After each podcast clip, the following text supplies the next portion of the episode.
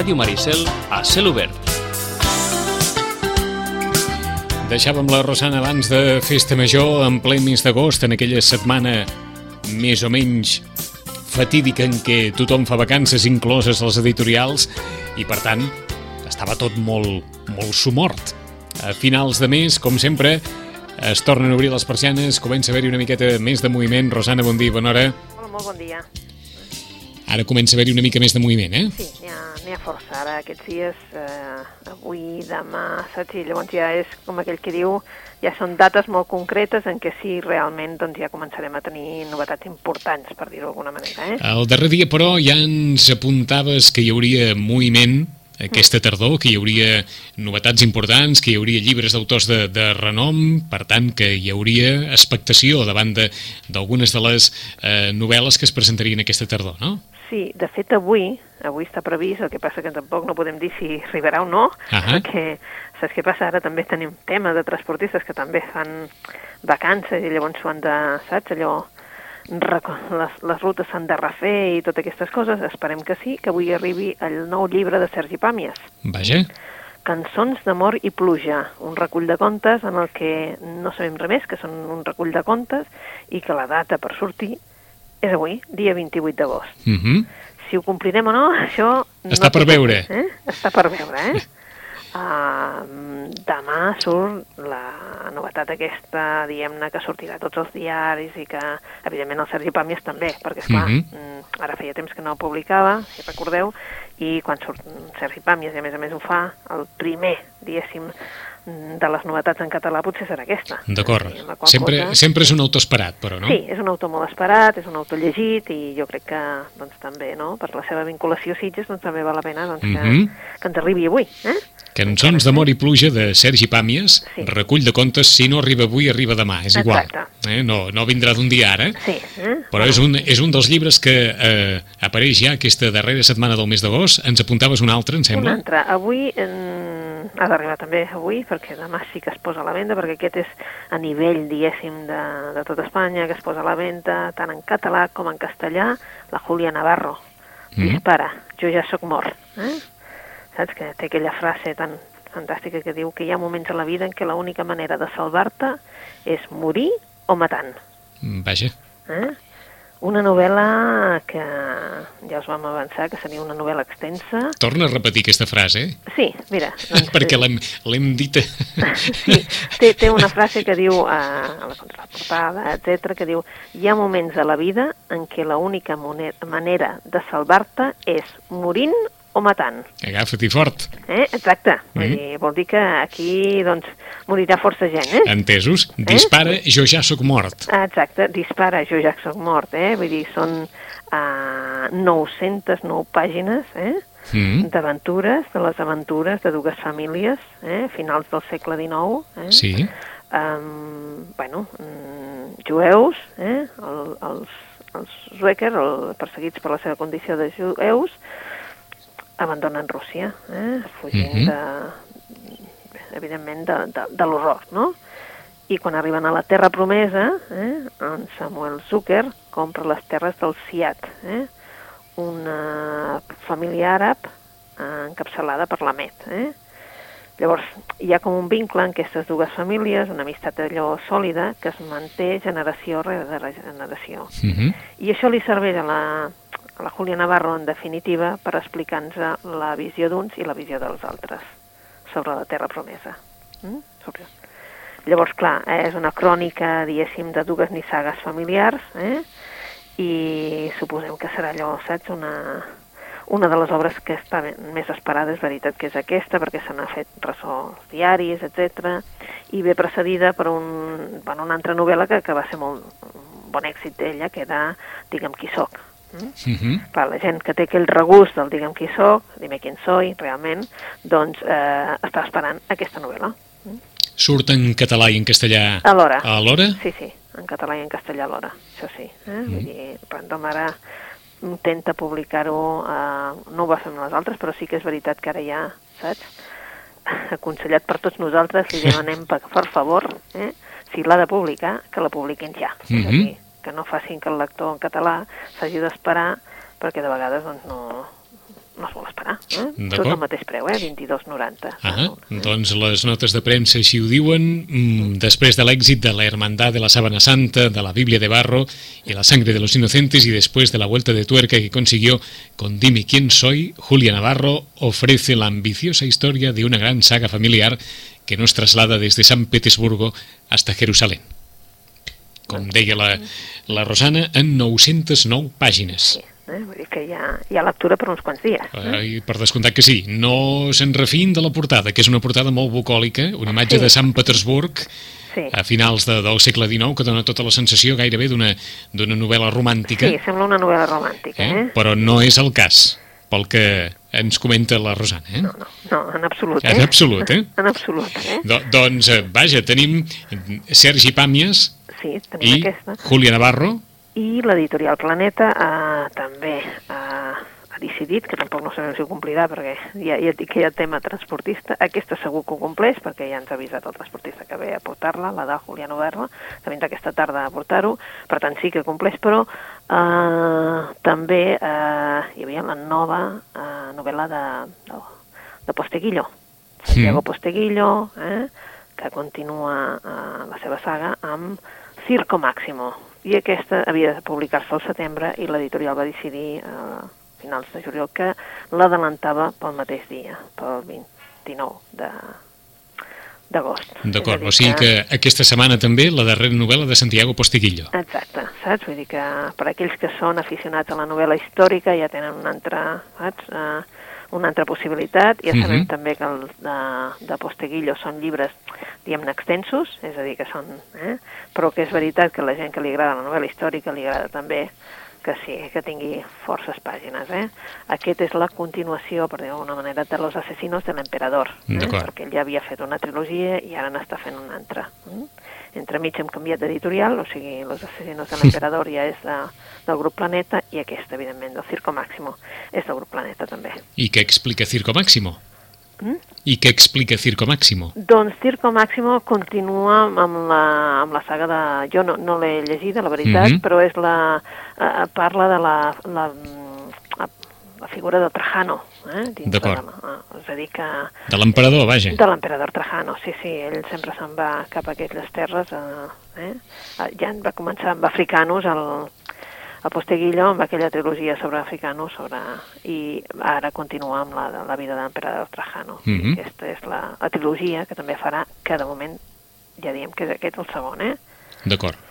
Circo Máximo, després de Los asesinos de l'emperador, el dia 29, demà dia 29, se suposa que arribarà a les llibreries la darrera novel·la de Santiago Posteguillo. I la setmana que ve ja és un desembarco total. Eh? Doncs vinga, alguna, Llavors, alguns, que ve sí que...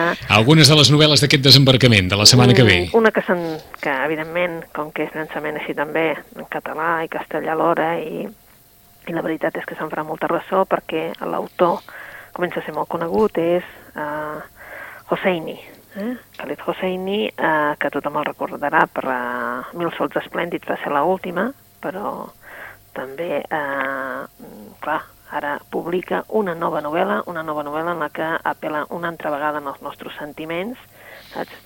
Uh, dos germans que, aquesta sí que ja l'editorial ja ens l'ha deixat de llegir, per tant, ah. són dos germans, saps allò, que uh, els separen de petits, sí. eh? Amb una separació molt dolorosa, perquè el, el noi és una mica més gran, i quan se n'adona, doncs, eh, clar, es revolta contra el seu pare, etc etc. El seu pare ha perdut la mare d'aquests nois i, per tant, eh, es torna a casar, torna a tenir una altra criatura i llavors eh, no té mitjans per realment doncs, alimentar tanta família. Mm? Llavors aquesta noia anirà a parar amb una família, diem-ne, per dir-ho d'alguna manera, de la capital, una família amb diners, una família en la que hi ha una dona mm, que, uh -huh. que li agrada la poesia, que li agrada la música, que té les mires molt més enllà de lo que és Afganistan i, per tant, eh, hi haurà un moment en què marxarà i s'emportarà la criatura. Mm de com tot això repercuteix en la criatura, aquesta necessitat de saber qui és l'altre, de, de, de saber que li falta alguna cosa però que no recorda què, etc etc, ho recordarà com molts més anys enllà. És a dir, que és una novel·la d'aquelles molt boniques, una novel·la d'aquelles que tu eh, la sents com també una explicació del país, eh, d'Afganistan, de que, que, quina funció van fer doncs, els, la gent que va anar a ajudar, eh? Les organitzacions internacionals, és a dir, que hi surt una mica tot el tema. Eh? Suposo mm -hmm. que el Khaled Hosseini el que té és una, eh, diguem vol explicar el seu, les seves arrels, eh? malgrat que ell sigui fora, eh? vol explicar les seves arrels i, vol, i nota aquell, aquella necessitat de mm -hmm. pensar que és un gran país. Perquè que... pel, que, pel que llegim ell viu a Califòrnia, no? Exacte, sí, Exacte. sí, sí, ell viu a Califòrnia. O sigui, estem parlant eh, d'un home que es va llicenciar en Biologia, sí. Segons, segons diuen les seves notes biogràfiques, i, i viu als Estats Units, viu a, viu a Califòrnia. Sí, sí, sí, mm? a més a més, vull dir, el que passa que totes les seves novel·les, no?, així com la primera sempre hi havia, sempre hi ha algú que marxa, eh?, en la Mil soles esplèndidos no, però en canvi a, aquell de el caçador d'estels, per exemple, no? és dos amics, un amic que marxa i l'altre es queda i després, doncs, com l'amic que, que ha marxat, després retorna i es troba doncs, amb la família d'aquest amic, doncs sempre hi ha aquesta sensació de que algú que ha marxat, no? Uh -huh i que té aquella necessitat del país, d'aquella un... necessitat de les arrels, d'aquella... Un serenyor? ha passat de tot això. Eh? D'acord, un serenyor o...? Sí, un serenyor, sí. un cert, una certa necessitat d'explicar també, eh? D'explicar com està el país, d'explicar què passa, no? O explicar com se sent la gent i per què la gent fa aquestes coses. Uh -huh. El títol de la novel·la, que no sé si l'hem dit. El títol de la novel·la és, en castellà és uh, I les muntanyes hablaron, uh, en uh -huh. castellà, i també i en català és doncs i les, i les, les muntanyes parlant també. -huh. és, o sigui, és, uh, és un títol que comença amb I, eh? Perquè la veritat és que la muntanya, més que la muntanya, hi ha un arbre, saps? Un arbre, un, un columpio que el pare, els, que ja va fer l'avi, que, doncs, que era i que després aquest columpio doncs, desapareix. I per mm. què, que té, quin, quina simbologia té això? Eh? és molt maca, la novel·la és d'aquelles doncs, de, que apel·la els nostres sentiments, ja us ho dic ara. Eh? D'acord, en, en, portem, en portem quatre de novetats mm. i, i totes quatre tenim la sensació que la Rosana la recomana Sí, Sergi sí. Pàmies, Julia Navarro, Santiago Postiguillo... Sí, Julia Navarro reconec que jo no l'he llegida, uh -huh. perquè la va llegir la meva germana. Però tu, però tu veus a venir que... Sí, que... veig a venir eh? que, que ja hi ha un públic, saps? D'acord. Ja dius, ostres, és que segur, segur, saps, que, que vindrà. Uh -huh. Santiago I... Postiguillo i Khalid Hosseini. Khalid Hosseini. Afegim-ne una... Uh, afegim 4 de setembre també ve un oh. autor... Ah, això volíem saber. Sí, eh, ve un autor que ens agrada molt, uh -huh. que, que es diu, el títol es diu Canadà. Mm?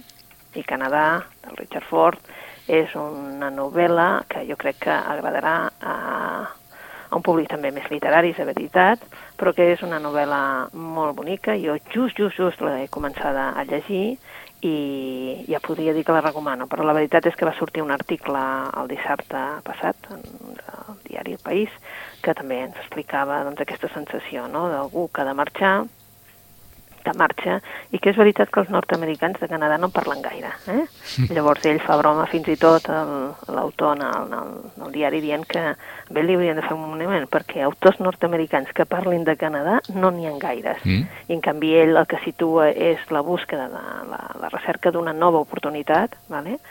per a aquest noi que marxa molt jove i marxa perquè doncs, bueno, doncs els pares, diguéssim, doncs, ningú no ho diria, però són, han atracat un banc. Eh? Llavors ell marxa buscant una segona oportunitat, una segona oportunitat que necessita per, doncs, per fer la seva vida quan és molt, molt jove. Eh? Uh -huh. Lle I... Llegim algunes notes de la, de la novel·la i fa, fa més o menys un any que es va editar al País d'Origen. Sí. Sí. D'acord. Sí, sí, Nagrama ara ens està uh -huh. dosificant-les, saps? Vull dir, així com abans potser corria més a l'hora de... D'editar de, ja aquí els títols. Exactament, sí, saps? Vull dir, bueno, tret de l'Auster, que sempre ho publiquem nosaltres abans, uh -huh. doncs la veritat és que ara potser triga una miqueta més a, a dins de, bueno, uh -huh. eh? I, com no, eh, també us hem de dir que ara al setembre, eh, si no és el dia 2, és el dia 3, David Jou presenta un llibre. Que, Vaja. Mm, bueno, surt un llibre del David Jou que es diu L'avinguda i el laberint. Mm? Mm -hmm. Llibre de poemes, tinc entès, però tinc molt poca informació, eh? Vull dir que això sí que... Eh? Ens tornes a repetir el títol? L'avinguda i el laberint. L'avinguda i el laberint. laberint. Sí, en principi està programat pel dia 2, que és dilluns, o sigui que potser no serà el dia 2, seria, uh -huh. saps? Vull dir, perquè ara els editors intenten donar-nos uh, la data aproximada, Uh, de fet, els dos grups grans, tant Random com Planeta ho compleixen perquè, clar, ho han dit a les redes socials, ho han dit a tot arreu. I, I no se'n poden desdir, esclar. Exacte, no se'n poden desdir i tenen preparat, saps, tot el... Tot el muntatge, tota Exacte, la infraestructura. tot el tema logístic bastants dies abans, eh? Llavors, clar, llavors és... Eh, saps allò de dir, fins i tot tenim un avís de que la Júlia Navarro, sobretot, que tothom la posem a la venda, si la rebem abans, que la posem a la venda demà, saps? Mm. -hmm. Perquè si tothom tingui les mateixes oportunitats, això ens ho repeteixen. Però, clar, els altres editors, de vegades, doncs, a veure, mm, ningú no dirà res si el Canadà del Richard Ford surt el dia 4 o surt el dia 5, per entendre'ns, no? És un altre tipus de, de sortida, no, diguem-ne. No, I surt la Núria Perpinyà i aquí a Vilanova també ens fa molta il·lusió que surti un llibre del Toni Albà. Vaja, I em, surt el dia 5, en principi, i es diu Ser o no ser catalans. Oblidant-se de la faceta Toni Albà, eh, com a la seva faceta, diguéssim, més de... més de comèdia, més de... Exacte, que no Mhm. té res a veure perquè aquest és el tema de, de ser o no ser catalans. Mm? També surt la setmana que ve, eh? Sí, el dia 5. Aquest està D'acord. previst pel dia 5, igual que la Núria Perpinyà també pel dia 5, saps? Vull dir, hi ha un... N'hi ha, n'hi ha, n'hi ha uns quants, diguem-ne, que vinguin així eh, molt, molt de bracet amb la diada de l'11 de setembre, des del punt de vista temàtic o de... Sí, Ara volíem fer una llista, De- perquè de- farem un aparador, evidentment, però n'hi ha molts, molts. molts. Saps? Vull dir, des del llibre de fotos del 1714, que en torna a sortir un altre, eh, des d'un altre de... Saps? Mm, que, que, que n'hi ha moltíssims, Sebastià Riera també en publica un, crec, eh, hi han com a, potser, sense exagerar, com a 15. D'acord? O sigui que la, que la diada s'ha convertit també mm, no direm que, que amb, una, amb un esquer motivador per les editorials, però quasi, quasi, no? Sí, si recordes els últims anys ja ha passat una Sí. mica, eh? Ja ha Sí, passat sí. una mica, però clar, aquest any és, és molt important. Uh -huh. Llavors la diada és com a, saps? Com a també una, una fita, saps? I llavors tothom aprofita per treure aquests, o per bé, també per recordar eh? tots els que han anat sortint doncs, eh, per Sant Jordi, si recordes que també hi va haver tot un desplegament de llibres Sí. sobre aquest tema, doncs ara doncs, doncs, eh, jo crec que tindrem una taula dedicada a ells, veritat que sí, perquè la pensem fer una taula dedicada A saps? l'11 de setembre. a l'11 de setembre. Sí, Per tant, any aqu és- aquells que vulguin fer també un, una mica de, de calaix per, per comprar alguna publicació eh, en, al voltant de l'11 de setembre, que sàpiguen que hi haurà em, noves aportacions, Sí, per dir-ho d'alguna manera, relacionades amb, amb l'11 de setembre. Moltes, la veritat és que moltes, però llavors també un... Si, si ho veu tot junt, sembla, no?, que pugui Mhm. dir, home, eh? Uh, puc escollir, eh? D'acord. Doncs, eh, bueno, també Però el me- sortirà el la mes- Delfín de Vigan i sortiran, buah. Ah. Escolta, m'has fet una llista molt llarga de novetats, Sí, eh? sí, bueno, és que hi ha una llista molt llarga, molt eh? llarga, Perquè eh? fins i tot nosaltres... Surt el Pep Coll també aquest any, eh, aquest setembre, perdona.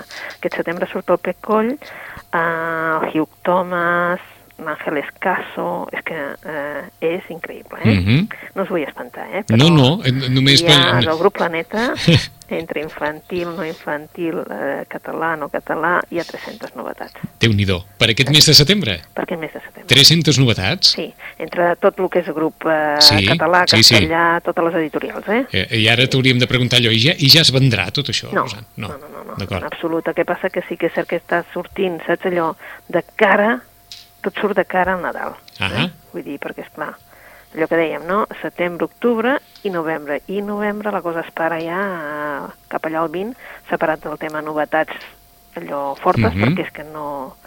El que surti més enllà també tots saben que és massa tard, eh? No. perquè la gent pugui...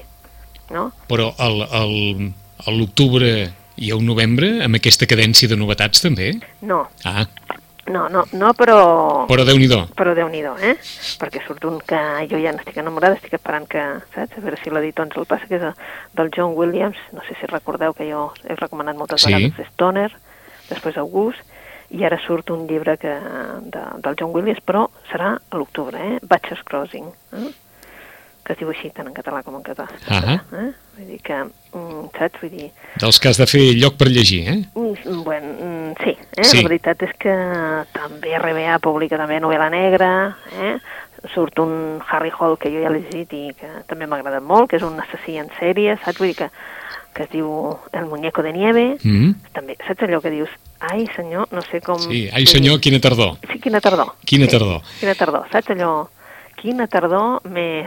Do, doncs de moment per aquí, a partir del que ens deia la, la Rosana, des de el seu no sé catalans d'Antoni Albà, l'Avinguda i el laberint de David Jou, que es presenta a l'editorial Viena, diu el 2 de setembre, Sí. però com deia la Rosana, 2, 3, depèn de com de vagin... Vegades, clar, és que és el 2 de setembre, però perquè saps, a vegades el que no calculen aquest... Quan Ahà. diuen 2 de setembre és que, clar, dia 2, si no recordo malament, és dilluns. Sí, Clar, perquè es presenti el dia 2 hauria d'arribar el divendres abans. entesos. perquè si no, com, com arriba el dia Sí, 2 sí. a tot arreu i el Mm. posen a tot arreu a les taules. D'acord. És dir, Per tant, hauria d'arribar el divendres dia 30. exacte. Però Mm. bueno, en principi Però és bé, el dia 2. la setmana que ve, la setmana que ve aquest Canadà de Ah, Richard exacte. Ford, el fill de, vaja, d'una família embogida, d'una família de tracadors, i com, i com eh, es decideix mm, Sí, començar és, una és nova el vida. tema de segona oportunitat. Ah, Ah, exacte. noi amb segona oportunitat. Ahà. Eh? De moment porto llegint molt poc i ja el puc recomanar, però clar, mm, només porto llegint Ahà. molt poc. Eh? Me l'he guardat, saps allò? Me l'he guardat pel final de... Eh? El tenia tot l'estiu, me l'he guardat per llegir-me l'ara. de Khaled Hosseini i les muntanyes hablaron. També la Rosana ens ha anunciat l'arribada, com comentàvem fa un moment, de Santiago Postiguillo, el seu darrer llibre Circo Máximo, també d'aquesta darrera novel·la de Júlia Navarro, de Júlia Navarro, Dispara, jo ja soc mort, o de Cançons d'amor i pluja, aquest recull de contes de Sergi Pàmies. I ara algunes de les recomanacions de eh, novel·les, eh, llibres que la Rosana s'hagi llegit i digui, doncs mira, val la pena eh, posar-s'hi. Per exemple, Doncs mira, un autor que no sé si, suposo que sí, que la gent n'ha sentit a parlar i, i és un autor que a més a més ha coincidit a les taules de- d'aquest estiu amb dues, dues, amb dos llibres, un en castellà que es diu El vino de la juventud i en català La germandat del raïm. Eh? Mhm. Doncs estem parlant d'un autor que es diu John Fante, eh? un autor va morir, em sembla, als anys 80, una cosa així, i un autor, diguem-ne, mm, diferent. És... Eh, el Bukowski li, agrada, li agradava moltíssim al John Fante perquè era un autor molt directe, um, diu les coses sense gaire embuts, és molt, saps, allò, molt planer, Mm. però mm, eh, la diferència entre un i l'altre és que la Germandat del Raïm està publicada per edicions 1984 i sabem que aquesta editorial va fent cosetes que, saps, que no, que no estaven publicades en català i que val la pena. I aquí en, és una novel·la corta de, del John Fante i mm, bueno, és una família, de veritat, és una dona que representa que ja en té prou del seu home. Eh? Ja té 70, set- 74 anys, més o menys, i ja no, ja diu que ja en té prou. Ja en té prou del Nick, perquè ja, saps, ja no li deixa passar res més, perquè cada una que li fa mm, i ara ja és l'adulteri, i diu que ja no. Eh? Uh -huh. ella vol el divorci i, és clar aquesta nova relació porta que el seu fill, que ja és fora, saps? doncs torni a la casa familiar mm, perquè, clar, ell viu a Los Angeles i es planta, es planta a Itàlia, San Elmo, perquè, és clar, eh, que és un poble de mal amor, que ell ja no hi volia tornar, però, és clar, eh, ell havia fugit del, del, del, del poble, Sí. però alhora també fugia de la situació familiar. En Ahà. definitiva, fugia d'aquest pare, eh? que, bueno, és un pare d'aquells de, saps, de, eh, de que sempre tenia polles pel costat, o sigui, un, un home que li agradava veure, que li agradava sortir amb dones, que li agradava tota una sèrie de coses que, evidentment, com a fill era difícil de suportar. No? Uh -huh. I és d'una germandat, eh? una german, la germandat del, del, del raïm. Tota una sèrie de gent que no saben que els hi ha passat l'edat, ja ha de ser, saps, allò, una mica salvatges i, i contestataris, en el sentit de dir farem el que voldrem, eh? I vol fer un fumador eh, en un refugi de muntanya, és a dir, eh, en definitiva, mm, el que es planteja el personatge eh, és si realment eh, eh, ell no acabarà sent igual que el seu pare no? una mica, i com eh, el fet d'anar allà i per una mica endolcir la situació, veure com, com, la, com entomen tots tres la, la nova situació, Mhm. doncs intenta ajudar-lo amb aquesta, a fer una cabanya de pedra allà a la muntanya i com que l'ajuden també els altres amics, una mica és mirar a cadascun dels personatges per veure si al final ell acabarà sent un altre. Eh? La germandat del raïm pues, és una novel·la fantàstica, no? que d'aquelles per llegir, per realment doncs, comprendre una mica més l'univers del John Fante. El John Fante va escriure fa un temps publicats per anagrama les aventures de l'Arturo Bandini, Espera la primavera Bandini, uh, era un dels primers que, que va publicar i la veritat és que aquest Arturo Bandini, els que l'hem llegit ja veiem que és un alter ego del, del, del John Fante. Però ara amb aquest altre llibre que ha publicat Anagrama, que es diu El vino de la juventud, ja veieu que un és la germandat del raïm i l'altre és el vino de la juventud, Sí. eh? uh, són contes, són en definitiva uns 20 contes i um, potser n'hi ha menys, eh? Vull dir, recordo que el vaig començar al, al començaments, vull dir, me'l vaig llegir al començaments d'estiu, són uns relats que el, que el Fante va publicar als anys 40, eh? Uh -huh. I en definitiva aquests d'aquests 20 potser n'hi ha 18 que tots parlen d'un mateix eh, tema que és una família d'immigrants italians eh, que viu a Colorado vale? i el que explica tota la història és el fill gran eh? és un adolescent que anem veient a, a través dels contes que doncs, com creix, com creix en aquesta Amèrica dels anys 20 Um, veiem com coneixem, coneixem els pares del protagonista, realment ell s'ha fet una història que no sabem ben bé si realment el pare va raptar la mare per casar-s'hi o no, saps? I una mica és com ell veu el pare que era que era com una espècie de paleta, però que tenia unes habilitats molt superiors, és a dir, que el considerava superior amb això. També hi ha el tema Iglesia, de com doncs, ell anava a una escola i de n'hi ha un dels contes preciosos que és de que ell ha d'anar a l'escola i no té camisa i li exigeixen que porti la camisa blanca i ell no té camisa i no sé què fer, no? Mhm. Llavors, bueno, de com a la Iglesia doncs també ha influït molt dels contes aquests, perquè hi ha un que es diu Monaguillo o El Camino de l'Infierno, i són les, les aventures d'aquest protagonista doncs, en una escola de monges. És un llibre molt, molt, eh, diguem-ne, molt entretingut, però que també us diem que retrata, doncs, això, eh, una família emigrant a l'Amèrica dels anys 20. D'acord. O sigui que, per una banda, la germandat del raïm, mm, l'home que vivia a Los Angeles amb una vida ja feta, que torna a casa seva perquè la seva mare ja no en vol saber res del seu pare, i per una altra, aquells que en el seu moment varen marxar a fer les Amèriques i com vivien als anys 20 en aquest territori, suposo que en algunes vegades eh, mm, més empàtic i altres vegades més hostil. Sí, però vull dir, també s'ha de dir que no, no ho posa com una cosa, saps allò?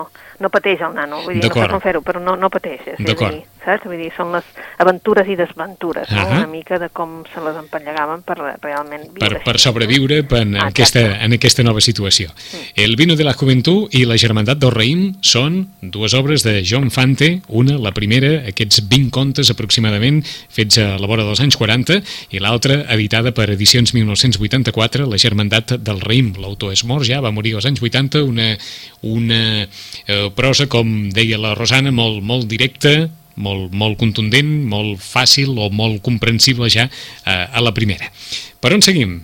Doncs mira, hi ha una novel·la per aquells que necessiten una novel·la d'aquelles, eh, sobretot dones allò que necessiten una novel·la d'aquelles molt distretes eh, i que volen riure, eh, Mhm. amb la Sophie Kinsella. Eh? La Sophie Kinsella és aquella autora que, que escriu aquells llibres com Loca por les compres, que fins i tot em sembla que es va fer una pel·lícula, saps? I té tota una sèrie de llibres. Eh?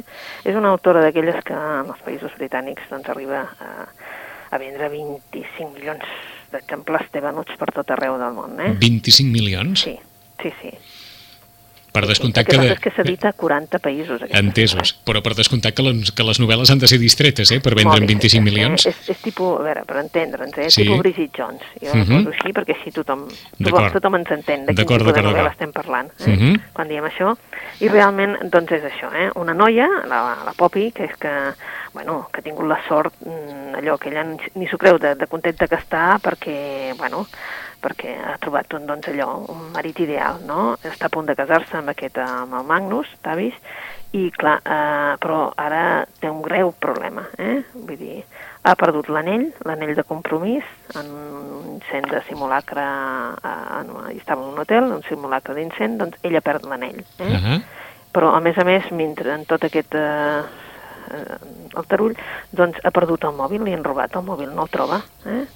Eh, desesperada comença a mirar, saps allò, i resulta que, que troba un telèfon, un telèfon allà, i llavors, clar, diu, ah, doncs mira, farem això, m'agafaré aquest telèfon, mòbil que no és seu, Sí. i mm, ja està, i així deixa el número doncs, en l'hotel, en el restaurant on t'ha d'anar, i que sobretot vol que, la, que el que trobi l'anell li, li, li torni. Mhm. Perquè, clar, mm, clar, el seu, vull dir, ha de fer alguna cosa per retrobar una altra vegada l'anell, eh? Uh, què passa que, clar, uh, el propietari del telèfon eh, se n'adona que no té el telèfon i també vol que li retorni. Mm. Però, clar, no li fa cap gràcia que la Popi, doncs, bueno, eh, el faci servir com si fos ella. Llavors, clar, és com una trobada entre tots dos, eh? i és una història d'aquelles d'enredos, de, saps, eh, es veuen, però, clar, es van posant en la vida de l'altre, perquè, esclar, Mhm. vull dir, és una boja del mòbil aquesta, també. Llavors, clar, no li fa res contestar missatges que no són per ella, saps? I, bueno, al final, entre correus i missatges, eh, la Poli el que no fa és confessar que ha perdut l'anell, perquè, és clar el seu, seu marit, el seu futur marit, doncs, tindria un disgust, eh, tothom, tot la, el casament segueix cap endavant, però, és clar eh, la veritat és que tindrà una gran sorpresa. És allò, I la- i la gran- que diu Tengo i- tu número, D'acord? i la veritat és que és una novel·la d'aquelles per riure. Ahà. Ho dic perquè són els últims dies de, de, de les vacances d'algú i hi ha gent que necessita, doncs això, riure una miqueta per dir, comenta, la setmana que ve ens toca treballar. El títol és bo, eh? Sí, Tengo tu número. tengo tu número, eh? Ja, ja diu el què, eh? Vull dir, saps? Vull dir, la portada, la- doncs ja que- s'ho podem imaginar. Els embolics d'una entre... amb un mòbil. Ahà. eh? Els embolics entre una dona que perd el mòbil i l'anell de prometatge de casament i un home que ha perdut el mòbil i aquest mòbil queda en mans d'aquesta dona. noia, eh, que Eh? aprofita la benentesa per fer-lo servir ella i, evidentment, eh, el necessita per tot, eh? Vull dir, missatges amunt, avall, amb les... Bueno, eh? La sorpresa, la, la sorpresa final no és que retroba l'anell, suposo, eh? Deu haver, deu haver alguna cosa més, aquí, eh? Exacte, alguna, alguna cosa, cosa més, més. Eh? Vull dir, d'aquestes novel·les eh, divertides, eh? Mhm. D'aquí que aquesta senyora vengui el que vulgui en qualsevol país. D'acord, de Sofi Quincela. I ens queda temps per una novetat més, Rosana. Bueno, no és ben bé novetat perquè va sortir el juny, però bueno, com que no ha sortit res... la Novetat, recomanació, el que vulguis. Sí, no, aquell que no ho hagi, que no l'hagi llegit i que li faci especial il·lusió saber què va passar l'any 1913, que llegeixi Un año hacia 100 años, de Florian Iles. No sé si us el vaig recomanar, és un llibre eh, per, per, per segons qui, això és veritat, però és que el començament del segle XX, és a dir, l'any 13 realment, doncs eren un, uns anys d'aquells que a Europa passaven moltes coses, moltes tendències, eh, tant en política com en ciència com, com en literatura, i la veritat és que, bueno, eh, una mica era un nou, una nova manera de mirar-ho tot, i per tant es posaven en entredit segons què, no? Mhm. Uh, bé, aquí, aquest periodista i historiador, Florian Iles, el que passa és que ens porta uh, 100 anys enrere, és a dir, el 1913, i llavors ens, ens explica en cada una de les, com si fossin diferents històries, i llavors cada, ens explica què, com pensaven i actuaven alguns d'aquells protagonistes. Clar, alhora hi havia, per exemple, el Proust, redactant uh, a la recerca del temps perdut, Mhm. el Freud, que tenia la gent allà assegudeta, eh, doncs parlant-li de les seves coses. Però l'Estravinsky estava celebrant la primavera. Mhm. Hi havia el Kafka, hi havia el Joyce, hi havia el Robert Musil, eh? i tots estaven a Trieste, aquests eh, tres. Llavors, clar, eh, al castell de Schönbrunn teníem el Hitler i l'Stanlin, és a dir, que una mica és una revisió del 1913 i fa gràcia pensar, perquè de vegades pensem en un autor i pensem en un altre, però no pensem que podien... En, o sigui, és com si fessis un, un tall i diguessis aquest any què hi passava a tota Europa. Entesos. No? A tots aquests autors, eh? Llavors, clar, ho veus tot alhora. Eh? Que no hi havies pensat que això podia passar exactament al mateix moment. Mm. O sigui que no és estrictament una novel·la? No, no o... és una no, novel·la, eh? no, no, no, no, no, no. Eh, I a més a més, bueno, diu que, clar, és com si canviés tot i, i, i es anéssim anant cap a la, no?, cap a coses terribles, és a dir, cap a un abisme, Sí. no?, amb Hitler, amb l'Stalin i en tots, no? Mm. La veritat és que és com un... Bé, l'any abans de la Primera Guerra Mundial, o sigui que... vull dir, per això et dic que és, és, és un any, no?, que en canvi tu penses, bueno, i què va passar aquell any? Què, què, què va provocar això, no? Però en canvi, a veure, una qüestió és la política, però l'altra és que hi havia en la part de la literatura, de pensament, etc etc que estàvem fent, no? I és com si ell fes un catàleg, doncs, de, de punts, de, de cites, d'extractes de diaris i, i, i altres textos de l'època, i llavors recreés tota una escena amb, amb, amb això. Eh? Però no Mhm. és novel·la, eh? ja us ho diem. Eh?